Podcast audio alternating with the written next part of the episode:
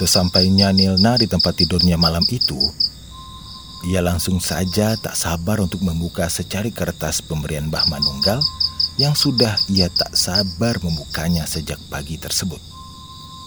Nilna ingin tahu segera apa sesungguhnya ritual anjuran dukun sakti itu. Dengan mata kantuk dan lelah seharian melayani pelanggan, Nilna dengan pelan-pelan membuka lipatan kertas berisi tulisan yang ia rasa sangat sakral.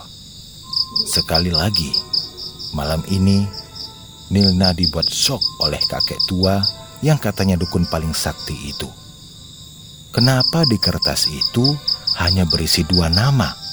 Dan nama itu sungguh sangat menggetarkan jiwa Nilna kala ia melafalkannya meski dalam hati.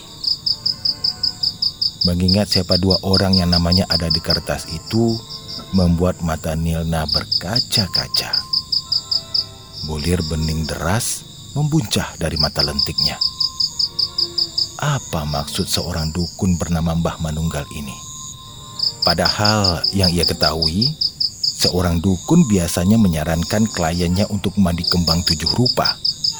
Atau bahkan ia datang ke dukun itu, ia telah mempersiapkan diri jika harus melayani syahwat sang dukun seperti yang banyak dilakukan oleh dukun-dukun cabul kepada mereka para gadis cantik yang mencari kejayaan dan keglamoran dunia sepertinya.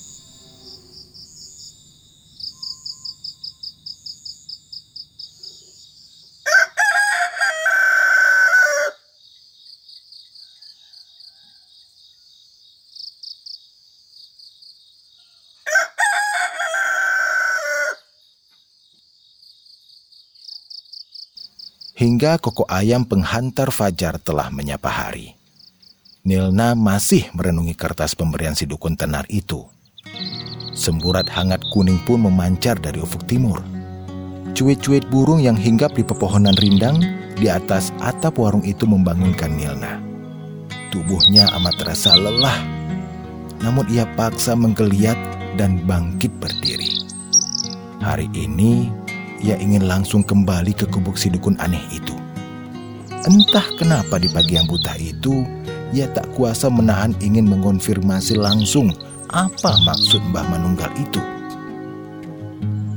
Seusai izin ke Yuerna, Nilna bergegas mengendarai bebek besinya. Sekitar satu jam perjalanan, ia telah sampai di pedesaan tempat tinggal Mbah Manunggal. Namun, yang ia lihat sungguh berbeda hari ini. Tak ada di tempat itu rumah sang dukun seperti kemarin. Yang terdapat di sana hanyalah sebuah tiang-tiang bambu tanpa atap dan dinding. Nilna shock. Di hamparan persawahan padi yang luas itu tak ada siapa pun. Ia kembali ke jalan menuju pusat desa dan ingin bertanya ke orang-orang di sana. Kebetulan pagi itu di saat ia akan pergi, ada petani yang sedang akan menengok sawahnya.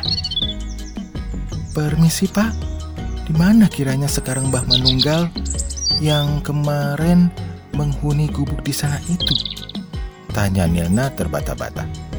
Eh, uh, Mbah Manunggal mbak, si Mbah itu kan sudah wafat sembilan tahun yang lalu. Gubuk itu sudah rubuh lama sekali dan tak berpenghuni toh pastinya. Milna merasa bak tersambar petir kala mendengar apa yang dikatakan petani itu. Ia tersungkur lunglai. Tubuhnya rubuh, lututnya menempel tanah, juga telapak tangannya. Lalu dahi pun menyusul bersujud ke tanah. Entah, pagi itu seolah ia merasa diingatkan oleh Mbah Manunggal. Apakah makna semua ini tentang dirinya?